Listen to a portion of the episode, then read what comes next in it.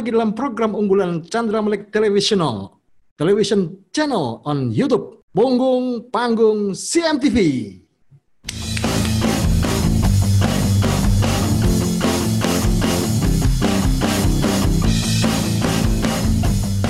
Dan pada episode kali ini kita akan menghadirkan seseorang yang memiliki peran sangat penting dalam pertumbuhan band metal legendaris di Indonesia, Burger Kill. Dia adalah Dadan Ketu.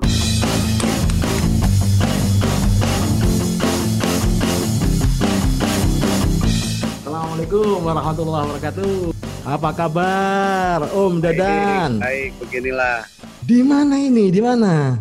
di gedung Saparua Mas. Jadi Uh, kalau anak 90-an tahu lah tiap le- minggu legend ada. ini ya, gedung ini ya. Iya, gedungnya gedung legendaris tapi sekarang sudah direnov dan nggak boleh Mhm. dipakai event sekarang. Sekarang pakai full olahraga di sini. Oke, dulunya dipakai konser rock ya kalau nggak salah ya. Iya, dalam seminggu mungkin ada dua tiga kali Wih. acara lah di sini gitu. Apa sejarah Burger Kill jika dikaitkan dengan Saparua? Jadi memang Burger Kill tuh dikenal orang tuh di, emang di gedung Saparua. Ceritain dikit terus Kang, kelahiran Burger Kill gimana? kebetulan memang saya berteman ketika memang mereka dibentuk gitu ya. Jadi dulu juga saya belum jadi manajer mereka gitu. Tahun 95 itu mereka ya di ujung berung bareng-bareng gitu buat si Burger Kill. Tapi memang di tempat inilah gitu semua band-band besar yang di Bandung manggung di sini. gitu. Oh iya. Sangat legendaris lah. Ya, Wujudnya juga nggak berubah sih, cuman dalamnya aja yang berubah sekarang. Dulu lantainya masih semen, sekarang udah lantai kayu gitu, udah Hmm. bagus banget. Siapa saja dulu formasi awal Burger Kill? ada Kimung, Eben, Toto, ada Ivan gitu. Oke, berarti sudah terjadi sejumlah perubahan ya? Iya, perubahannya formasi. banyak banget gitu. Yang orisinilnya sebenarnya Eb- masih Eben aja sendiri sekarang. Hmm. Teman-teman yang lain sibuk apa sekarang kayak Kang Kimung? Nah, Kimung tuh sekarang jadi sempat jadi guru, Oke. jadi dosen, sekarang lebih konsen Hmm. jadi penulis. Akademis sekarang Kimung tuh gitu. Lebih mendalami budaya lah. Kalau Kang Eben, sampean mengikuti pertumbuhannya, karakter Eben itu seperti apa? Eben itu dari dulu dia perfeksionis, Mas. Hmm, hmm.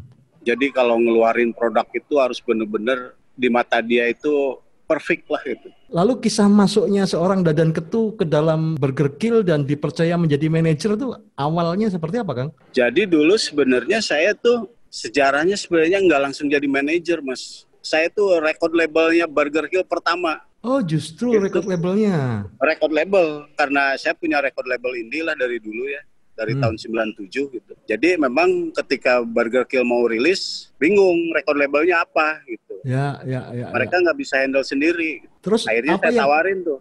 apa yang menjadi pemikiran Kang Dadan waktu itu mau merekam karya-karya Burger Kill? Apakah originalitasnya, apakah justru inovasinya atau apa? Basicnya saya pertama dulu karena hobi, Mas. Hobi dengerin produk-produk bagus gitu. Ya, ya, ya. Nah, untuk mendokumentasikannya gimana nih caranya? Saya bikin label akhirnya gitu. Iya. Karena banyak band-band Bandung yang bagus. Zaman dulu lah, Ya, ya. rekamannya susah. Kebetulan karena saya tahu gitu kualitas si Burger Kill gitu. Genrenya dulu masih hardcore lah gitu, nggak nggak semetal sekarang gitu. Ya, ya, ya. Ketika ketemu Eben dan ini aku udah jadi nih rekaman kata. Hmm. Saya di link itu di di tukang bakso mas. Benar. Jadi bukan di kantor atau Iya, apa itu. iya. Di link itu di depan SMA Taruna Bakti habis manggung kalau sama mereka. Ya. Jadi Iya. kita nongkrong di pinggir jalan di tukang bakso. Oh enggak rilis. Ayo aku bilang ayo rilis kata gitu. Asik. Udah jadi gitu. Lagu pertamanya apa waktu itu? Yang jadi andalannya sih Anjing Tanah kalau nggak salah. Oke. Nama albumnya dua sisi gitu. Dua sisi. Ya, jadi memang di BK itu dulu ada dua sisi, Mas. Gimana tuh? Sisi Maksudnya pemabuk sisi, dan sisi yang nggak pemabuk gitu. Oke. Sisi Kimung pemabuk mah- dan sisi bukan pemabuk. Betul. Jadi Kimung sama almarhum Ivan tuh yang paling brutal mereka. Paling wah paling ngaco lah itu orang-orangnya itu. Sementara Eben sama Toto itu yang terlihat baik-baik sih sebenarnya Ah. sama orang gitu ya. Ya, ya, ya. Yang memperlihatkan gitu kan Ya, ya, ya. keiniannya gitu. Wah kalau tahu historinya Kimung sama almarhum Ivan tuh Ya, ya, ya, ya. Tapi ternyata dua sisi itu bisa bertemu dalam betul bergekil. itu. Nah. Ini kan perlu tangan dingin seorang manajer nih, bagaimana mengawinkan dua sisi menjadi satu keistimewaan. Luar biasa. Sebenarnya ada pemain ke-6 di Keenam, Barber Mas. Namanya Yayat Ahdiat. Yayat Ahdiat, ya. Dia tuh hampir 20 tahun jadi sound engineer-nya Burger Kill. Sebenarnya orang itu yang bisa mempersatukan mereka. Dengan cara apa tuh waktu itu? Lebih ke komunikasi sama mereka tuh gitu. Kemampuan mendengar mereka kali ya. Betul. Sebenarnya kalau orang yang nggak ngerti mereka susah. Hmm. Susah banget lah gitu. Dua sisi itu punya karakter masing-masing yang keras. gitu. Egonya masih tinggi sekali ya. Betul. Yang satu orang pengennya perfeksionis gitu kan. Ya. Yang sisi lain selengean gitu. Kebayang kan Iya, iya, iya. menyatukannya kayak apa gitu kan. Akhirnya kan jadi musik yang memang jadi fenomenal gitu. Betul. Setelah betul. saya rilis itu, dua tahun kemudian ditawar sama label besar mas. Itu dulu proses kreatifnya perlu karantina atau bagaimana? Teman-teman ini. Kalau membuat album itu memang ada, ada reading lah gitu ya. naskah. ya. Mereka itu ada selalu gitu. Sampai sekarang. sampai sekarang ngebahas part-part lagu segala macem Oh, artinya semua terlibat ya? semuanya terlibat semua Oke. dari kru segala macem ikut di ngobrol gitu gimana nih Diajak baik diskusi. Heeh, Ini diajak mungkin diskusi. yang menyebabkan lagu-lagu Burger Kill tuh menciptakan rasa memiliki dari sisi mana pun ya. Dari Betul, para personilnya sangat mencintai lagu-lagunya, kru juga ya. betul yang saya tahu Eben ketika buat lagu itu dia harus memikirkan part mana ketika si penonton itu bakal headbang bareng Oke, ya. betul. ya. jadi nggak memang nggak totally gimana bandnya gitu harus Iya. mikirin juga fans bakal gini nih nanti fans bakal gini gini di part ini gitu Tetap ada yang menonjol di antara mereka dong.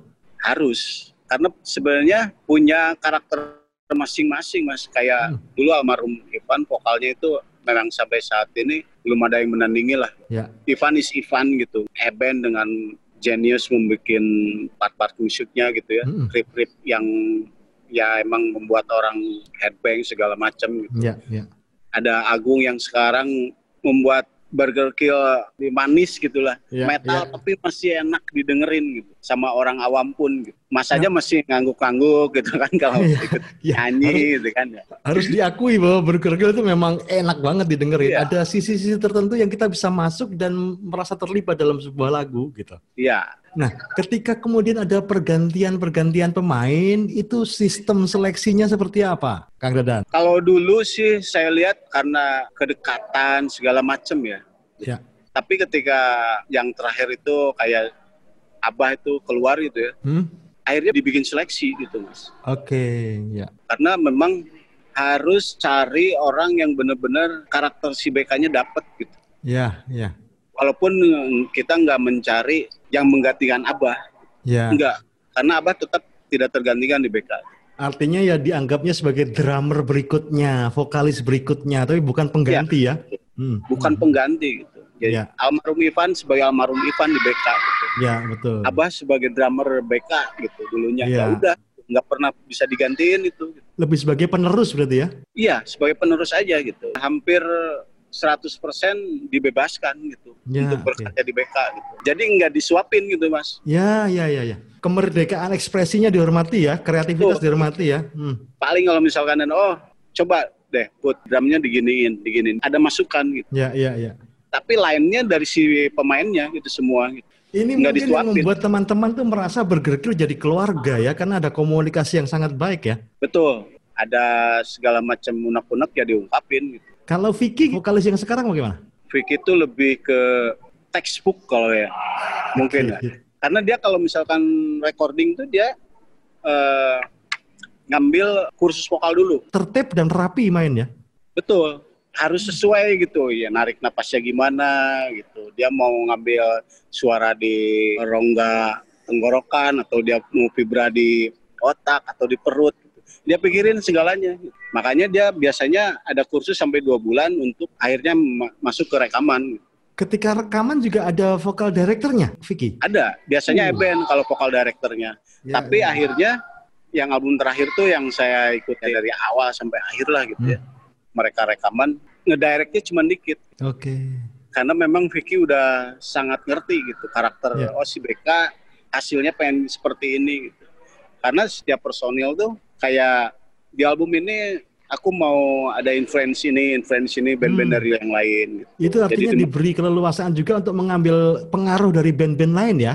Iya, makanya waktu abis kemarin uh, ada mentain keluar tuh ada kita ngeluarin playlistnya si masing-masing personil ada mentain ini influence-nya dari mana aja Oh, itu juga diungkapkan secara jujur. diungkapkan gitu. Hmm. Saya dengerin ini nih, dengerin ini, bandnya ini, dengerin bandnya ini. Ternyata tidak sekedar screaming aja ya, tidak hanya teriak-teriak ya. Ada Iya. pembicaraan yang serius tahap demi tahap ya. Ya ada yang nggak gitu juga gitu kan. Ya, ya, ya. Seininya aja mereka gitu maunya gimana gitu seenaknya. Tapi ada yang kalau di Burger Kill emang album ke album tuh emang jaraknya lama. Rata-rata lima tahun. Oke. selain karena kesibukan manggung yang padat gitu kan, mereka memang butuh konsentrasi yang penuh gitu kalau mau bikin album. Lagunya juga bisa hidup dulu dalam diri setiap pemusiknya dan fansnya ya. Betul. Sebenarnya Mas bisa lihat perbedaan dari album 1, 2, 3, 4 sampai sekarang ada Mentain. Ya. Ini dari proses 4 ke 5 ini perubahannya dari segi lirik, dari Ya. segi musik udah beda. Merasakan ada pertumbuhan kedewasaan di lirik-lirik itu. Betul. Jadi anak-anak tuh memang setiap album apa yang dirasakan sama mereka, Mas. Dulu dua sisi itu memang keadaan di band seperti itu. Ya, ya. Album kedua ketika bener-bener merasa gelap lah gitu ya. Ya, ya, ya. Si band tuh merasa bener-bener apa yang dirasakan tuh dalam hidupnya itu memang gila gitu. Ini kehidupan gila gitu. Ya. Sampai album ketiga, keempat tuh agak rubah, agak membaik gitu. Si Ya, lirik tuh beda gitu. Nah, masuk ke album kelima itu totally different. Semua lirik-lirik itu lirik-lirik yang menyemangati hidup. Oke. bukan soal lagi mengeluh, bukan soal lagi protes gitu. Album 5 itu ketika anak-anak udah mulai dewasa, udah mulai berkeluarga, ternyata hidup tuh indah gitu. Ayo semangat anak-anak yang lain Ya. gitu lah. Ya. Beda banget di album ada Mulai memikirkan legacy ya. Iya betul gitu. Segala Hmm. macamnya tuh memang tiap album tuh dipengaruhi eh, sisi kehidupan pribadi semuanya. Artinya tidak sekedar menciptakan lagu, tapi juga menjadikan karya ini sebagai penanda perjalanan ya, sebagai dokumentasi hidup ya. Betul, Oke. persis banget seperti itu. Saya sempat ikut nonton ketika film dokumenter 10 tahun Burger Kill. Iya iya. Itu piece per piece-nya dihimpun, ditata sedemikian rupa berarti butuh pengarsipan yang sangat teliti ya, Kang? Iya. Jadi memang kayak Burger Kill itu salah satu band yang sadar dokumentasi gitu. Dia benar-benar ada foto, ada video, walaupun sebenarnya nggak kepikirin untuk dibikin DVD loh mas dulu, Iya, iya, iya, iya, iya. ya kan? Pokoknya di foto, dia ada videonya, hasilnya dikumpulin arsipnya gitu. Kumpulin terus, iya, iya. sampai sekarang gitu. Nah akhirnya ketika bahan ini numpuk, ayo kita bikin gitu. Burger Kill sadar bahwa sejak awal Burger Kill akan menjadi band yang bersejarah di Indonesia ya, legend ya. Mungkin ya, Iya. mungkin. Dari Oh. awal udah percaya betul soal itu soalnya. Semisalnya ada pertanyaan apa yang membuat Burger Kill bisa bertahan sampai hari ini? Sebetulnya jawabannya sederhana gitu karena di belakang Burger Kill tuh banyak banget orang-orang hebat, orang-orang yang berdedikasi dan orang-orang yang rela melakukan apa saja untuk Kill. Baik mulai dari keluarga, dari manajemen, dari teknisi, dari fans, bahkan dari teman-teman di sekitar kami yang selalu memberikan support ketika Burger Kill berada di atas maupun berada di bawah. Selama 25 tahun perjalanan karir bermusik kami ini banyak banget hal baik dan hal buruk yang kami lewati bersama gitu. Dan rasanya tidak mungkin kami bisa menghadapinya tanpa support orang-orang di belakang kami. Seperti contohnya support dari keluarga. Contohnya saya, saya tahu dari awal saya bermain gitar tuh sebetulnya orang tua saya nggak mendukung dari saya main band orang tua saya tuh nggak dukung karena mungkin harapan mereka saya bisa menjadi orang lain selain uh, jadi seorang musisi gitu. Tapi saya yakin di belakang itu doa-doa mereka tuh selalu merestui apa yang saya lakukan. Jadi itulah kenapa saya merasa restu atau doa dari keluarga itu adalah sesuatu yang sangat uh, sakral gitu. Yang sangat uh, menguatkan saya sampai hari ini. Kenapa saya yakin untuk terus menjadi seorang musisi. Selain itu dari istri bahkan dari anak-anak juga mereka tidak lelah menghadapi uh, jenis pekerjaan bapaknya atau suaminya yang bisa dikatakan unik.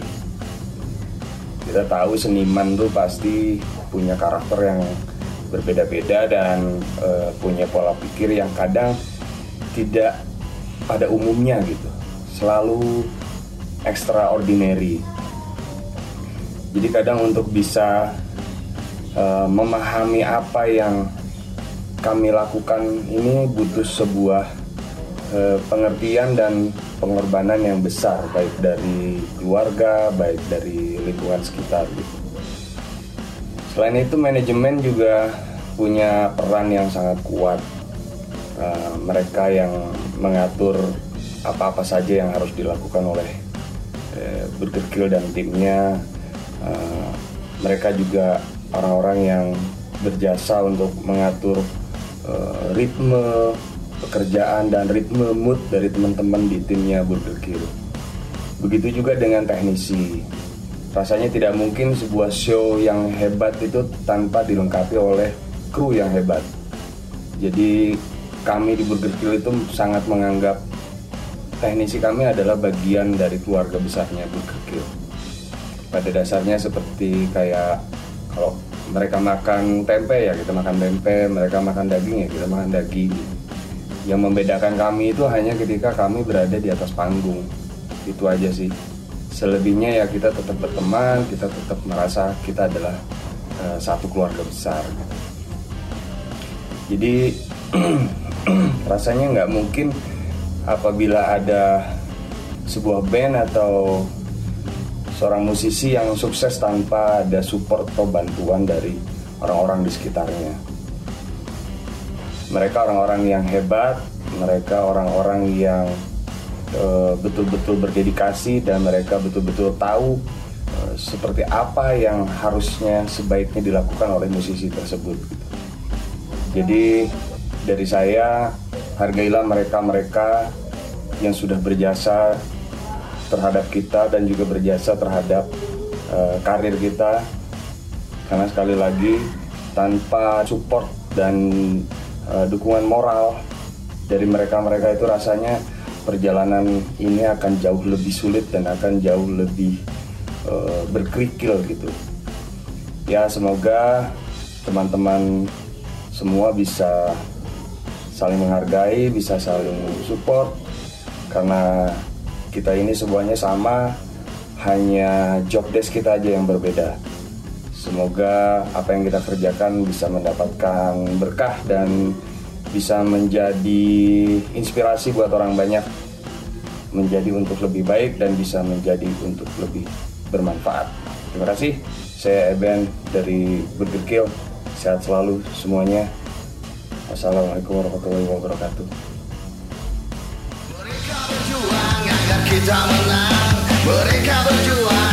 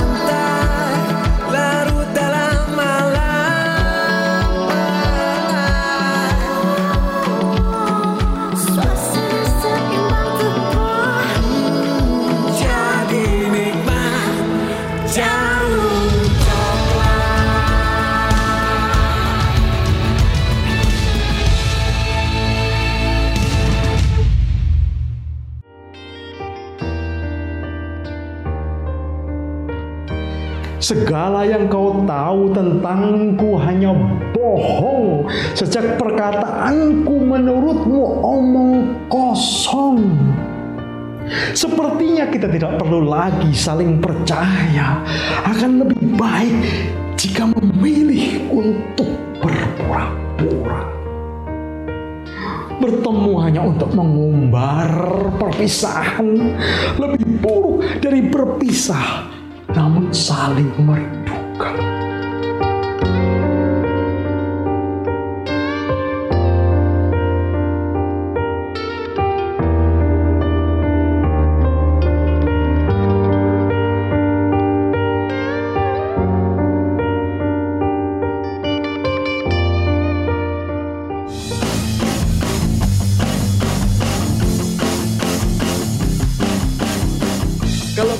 Dadan melihat dalam kelahiran pertumbuhan besarnya Burger Kill, siapa saja orang-orang di belakang panggung yang menjadi tulang punggung dari panggung Burger Kill?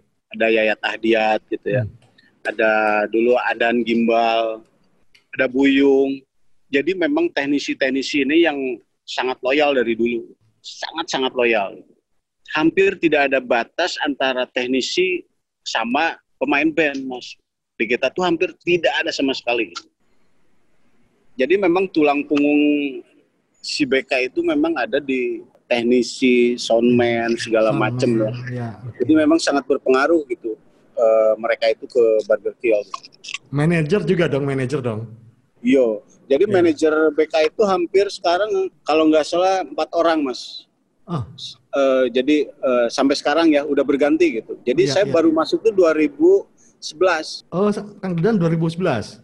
2011 saya masuk jadi full manajemen ya gitu Ya, ya. di Burger Kill gitu. Dulunya cuma bantu-bantu ya sebagai temen lah gitu, Hmm. nggak ini.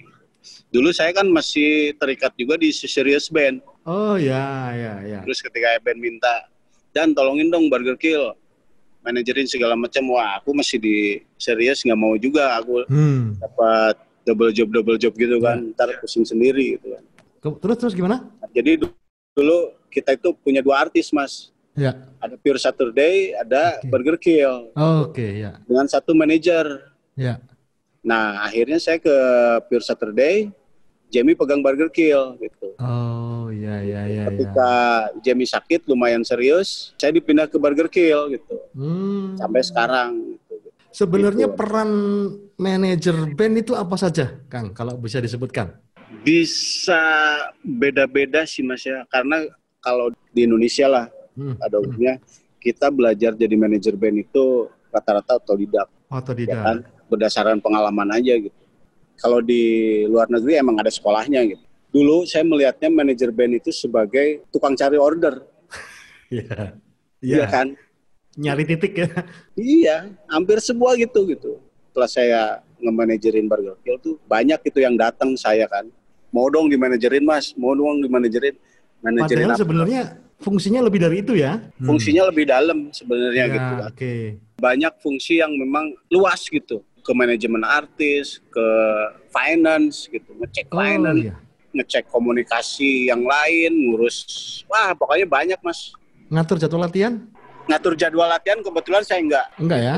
tapi ada beberapa manajer yang memang mengurus itu gitu. Paling gini ketika band tuh udah latihan latihan latihan latihan tapi tiba-tiba mereka banyak kegiatan sendiri-sendiri Ya. terus suka datang telat Ya. harus dia- latihannya BK itu punya tradisi latihan pagi mas Justru pagi. dari jam 10 itu sampai jam 1 sampai jam 2 gitu baru beres Oke. dan seminggu tiga kali mereka latihan Ada ataupun tidak ada konser latihan terus. iya Wuh, keren. Ya. Ketika personel ada masalah-masalah pribadi, peran manajer seperti apa dan peran rekan-rekan sesama personelnya bagaimana? ya itu biasanya yang paling sulit mas ketika ada masalah-masalah yang apa ya personal gitu ya tiba-tiba aku lihat dia kok manggung nggak mood gitu ya Hmm, hmm, hmm. tahuan kan gitu di panggungnya Ya. nggak mood Wih ada apa nih gitu kan Ya. dia tiba-tiba yang biasa bercanda tiba-tiba menyendiri Ya. gitu segala nah si manajer tuh memang harus lihai gitu melihat sisi Ya. itu gitu mas Ngedeketinnya gimana biasanya? Ngajak ngobrolnya gimana? ya biasanya kalau saya sih lebih ke direct aja gitu langsung ngobrol ya punya masalah apa gitu ngobrolin. Tapi biasanya kalau masalah band mereka selalu bicara di belakang dulu. Hmm, hmm, hmm. Kalau personal sih lebih mereka juga mungkin mereka masih bisa handle sendiri nggak pernah sharing juga. Tapi kalau Ya. udah nggak bisa di handle sendiri biasanya ngobrol sama aku gitu segala macam. Tapi biasanya kalau masalah band mereka ngobrol masing-masing dulu. Gitu. Oke.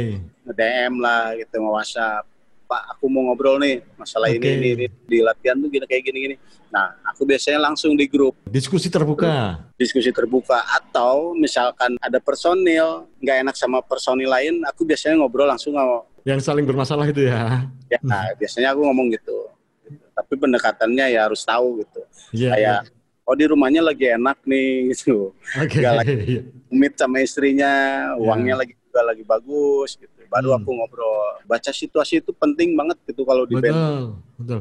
Itu berarti gesekan di band itu sesuatu yang sangat biasa ya, niscaya ya, Lumrah. selalu ada ya. selalu ada lumrah cuman kitanya aja yang harus bisa mengontrol gitu kontrol mereka oh, oke kamu kayaknya udah berlebihan nih kamu ngomong gitu gitu Iya, oke. tapi aku selalu berani kok sama siapa pun gitu ngobrol Ya. Ketika seorang personel kemudian memutuskan untuk keluar, Kang, teman-teman yang masih di dalam, bagaimana cara mengatasi Ya. rasa kehilangan itu? ah gimana ya Termasuk sering bongkar pasang soalnya kan, Burger Kill. iya tapi jadi memang di Burger Kill itu keluar masuk personil itu hal yang lumrah juga mas Oke. itu nggak terlalu dipermasalahkan gitu Hmm. Komunikasinya tetap masih jalan dengan veteran-veterannya itu. nggak ada apalah yang sampai signifikan gitu gimana saling membenci yang berlebihan juga enggak juga sih Tetap masih keluarga ya. aman-aman aja gitu maksudnya masih Alhamdulillah, ya. sama Toto juga masih gitu sama Hmm. Sama Kimung juga masih gitu Hmm, hmm. maksudnya mereka kalau misalnya kayak anniversary gitu malah kita ajakin gitu mau nggak lo Hmm. ngisi kayak reunian gitu, gitu. Iya, iya. Ketika kemudian Burger Kill mendapatkan pengakuan tidak hanya di tanah air, mulai keliling dunia. Ini bagaimana persiapan-persiapannya, bagaimana perjalanannya, dan bagaimana pengalamannya, Kang? sebenarnya itu yang paling rumit mas gitu. Ketika mau konser ke luar negeri itu nggak semudah band luar masuk ke sini. Hmm, band Indonesia itu susah loh mas ngurusin surat-suratnya aja bu saya waktu pertama kita keliling Eropa aja hampir satu tahun. Mempersiapkan itu.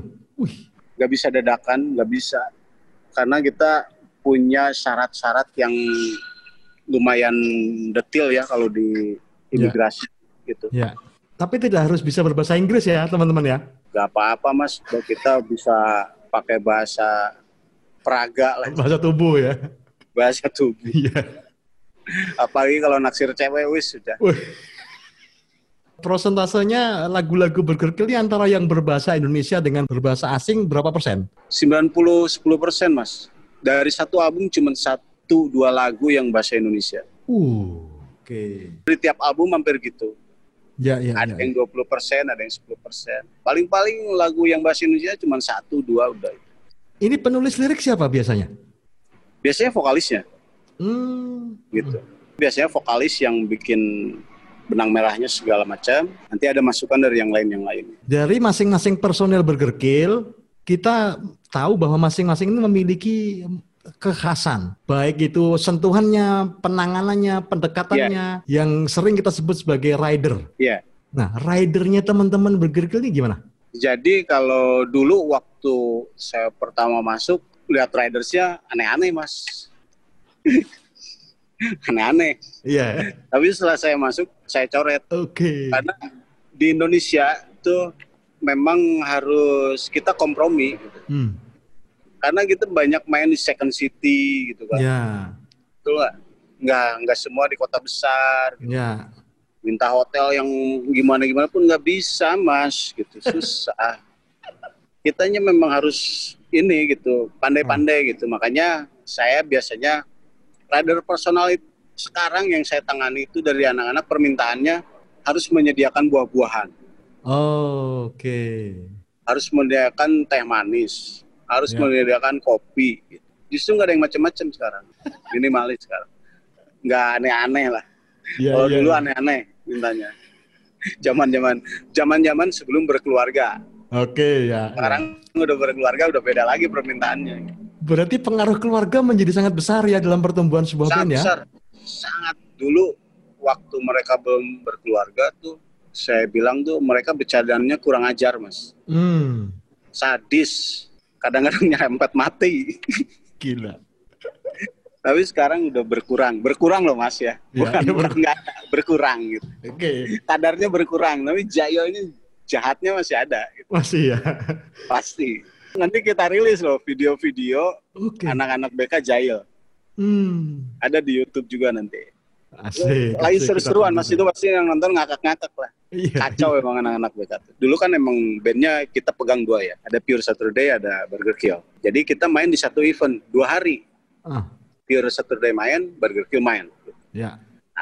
Sama panitia dibikin satu hotel. Oke. Jadi si Burger Kill main hari pertama, si Pure Saturday main hari kedua. Saya masih pegang Pure Saturday mas. Ya. Tapi kamar hotelnya sama. Oke. Jadi pas gantian tuh, Burger udah main kan, pulang. Saya mau masuk ke hotel itu. Saya udah curiga, mereka udah ketawa-ketawa nih. udah nggak enak saya.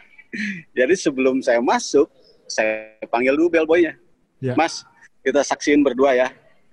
Biar biar nggak sangka macem ntar gantiinnya gimana. Saya udah curiga soalnya, Mbak. Oke. Feeling anak BK tuh rada ngaco-ngaco gitu dulu. Bener mas, ketika masuk tuh si meja kaca itu udah pecah. Wah. Nasi bungkus di mana-mana dilempar-lempar bukan dimakan mas. Nempel di dinding-dinding semua. Kasur tidur itu mau dilempar ke bawah, udah di jendela di setengahnya.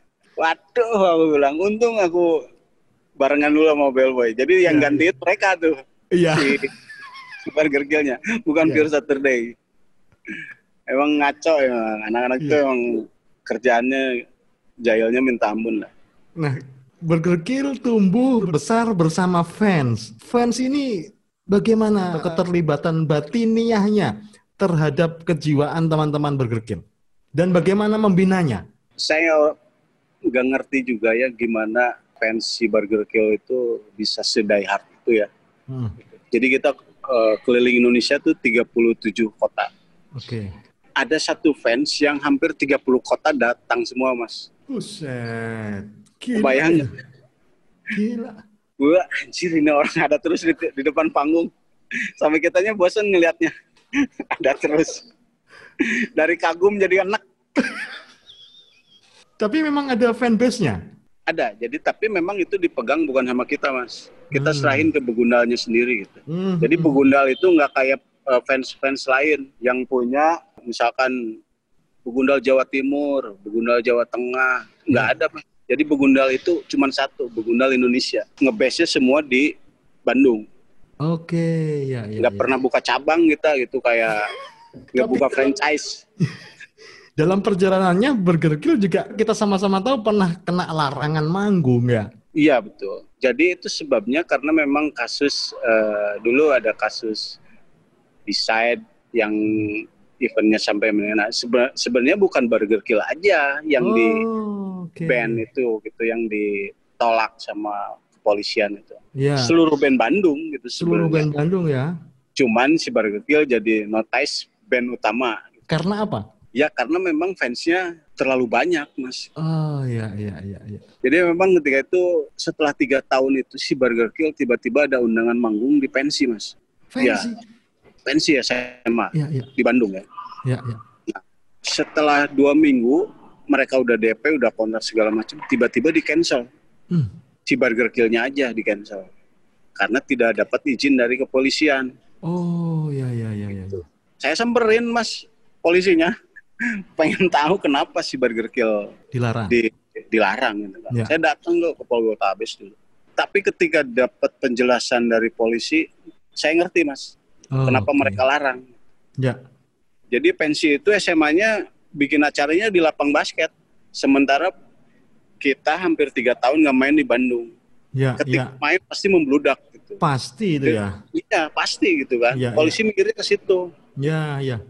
Makanya mereka nggak izinin Burger Kill gitu. Mereka juga tahu gitu si polisi itu fans Burger Kill seperti apa gitu. Potensi bahayanya lebih gede ya. Nah, betul gitu. Hmm. Akhirnya saya juga ngerti kan. Lebih ke perhitungannya security gitu. Kehati-hatian ya. hati-hatian polisi gitu. Hmm. Ketika kurun waktu tidak manggung karena ada larangan red notice bahkan itu kemudian teman-teman bergerkil mengisi waktunya untuk terus berproses, berkarya dan menghasilkan dengan kegiatan apa? Kalau awal-awal sih sebenarnya kan itu ketika dilarang itu cuma di Bandung, Mas. Hmm, oke ya, masih bisa Iya keluar kan, daerah di ya. tempat lain enggak, enggak dilarang. gitu. Ah ya, ya, ya. Nggak masalah gitu ya. Kita manggung aja gitu, cuma di Hmm. Bandung aja gitu. Saat itu memang nggak boleh. Ya, ya, ya. Tapi ke kota-kota lain juga ada beberapa efeknya gitu. Ya. Jadi mereka mungkin kontak hati-hati band ini gitu. Ya, oke. Tapi kita main dengan tingkat security yang high maximum security gitu kan. Ya, ya. Kayak Satu gitu. pertanyaan terakhir, Kang. Boleh. Apa yang bisa disarankan oleh Kang Dadan Ketu sebagai manajer Burger Kill, band metal yang legendaris di Indonesia, untuk teman-teman band khususnya metal yang baru? Zaman sekarang itu segala dimudahkan Mas ya. Oke. Berkat internet semuanya gitu. Hmm. Sekarang itu band tuh nggak nggak butuh label. Iya, betul. Kayak kebutuhan untuk manajer untuk sebuah band baru, saya bilang nggak perlu Nggak perlu ya. nggak perlu manajer. Semua bisa dilakukan sendiri sama member bandnya Oh. gitu. Jadi ketika harus dialamin sama bandnya sendiri ngatur bandnya seperti apa mas gitu. Iya, iya, iya, iya. Karena banyak kejadian manajer itu ngebohongin band banyak banget kan Iya, iya, iya. uangnya Iya. kontrak asu segala Iya, macam betul. gitu. karena itu memang bandnya mereka nggak tahu sama sekali kan nggak Iya. pernah terlibat gitu dalam hal-hal itu dari sejak Iya. awal Iya. Nah, kalau mereka mau terlibat sejak awal, nggak harus pakai eh, manajer segala macam. Mereka belajar sendiri, mereka udah tahu caranya gimana. Nah, mereka ketika punya manajer, nggak mudah dibodoh-bodohin, mas. Betul, ya. ya Manajer. oke.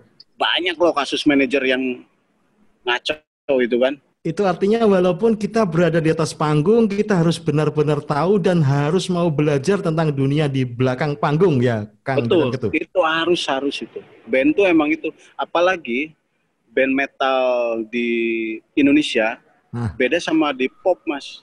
Ya, oke. karena rata-rata band metal di Indonesia itu part time band, Part-time band. bukan full time band. Hmm, hmm, hmm. Kalau Burger Kill itu full time band, mereka Oke, 100% mengandalkan dari main band. oke. Kalau band-band yang lain tuh ada yang kerja lah sambil Ya. kerja di bawah tur aja. Waduh, gua nggak bisa tur, Tabrakan jadwal. gitu. Turnya cuma bisa weekend gitu. Ya. Banyak kejadian kayak gitu mas. Emang harus yakin kalau kamu pengen berkarya jadi band itu ya emang harus yakin banget. Harus menjadikan hidup Betul. dalam band itu sebagai kehidupan Ya. seumur hidupnya ya. Termasuk orang-orang yang di belakang panggungnya juga, Mas. Oke, ya, ya, ya, ya, ya. ya. Dia jadi teknisi yang handal, jadi soundman yang handal tuh. Saya yakin di Bandung sampai saat ini masih kekurangan teknisi, kekurangan soundman sampai saat ini. Kalau soundman kita sakit aja, kita kelabakan tuh cari gantinya. Karena harus yang tahu betul ya. Kurang. Jadi memang kita kekurangan sebenarnya di sektor itu tuh pekerja-pekerja teknisi yang handal segala macem ya. Masih yang kesempatan terbuka lebar ya. Kita aja sekarang harus tarik-tarikan sama band lain gitu. Ya. ya. untuk punya teknisi satu aja yang menetap itu nggak bisa. Hmm. Kita sekarang teknisi itu cuma ada dua yang menetap. Yang lainnya udah nggak bisa kita pegang gitu karena Oke. mereka kerja sama sama band lain sama band lain. Gitu. Jadi duluan-duluan ini apa jadwal yang masuk. Siap. Terima Iya kan? kasih Kang Dadan Ketu. Ya, Orang-orang di belakang panggung yang menjadi tulang punggung dari panggung itu sendiri ternyata tidak mudah digantikan, bahkan tidak tergantikan. Karena mereka ikut bertumbuh besar dan mengetahui tidak hanya yang sifatnya ragawi, tapi juga kejiwaan tiap-tiap personil band menjadi bagian yang utuh dari keluarga band. Maka hargailah peran dan jasa besar mereka dan jadikanlah mereka bagian dari keluarga band Anda. Kita telah belajar dari Burger Kill dan semoga jumpa lagi dalam program Punggung Panggung CMTV dalam kesempatan berikutnya. Assalamualaikum warahmatullahi wabarakatuh.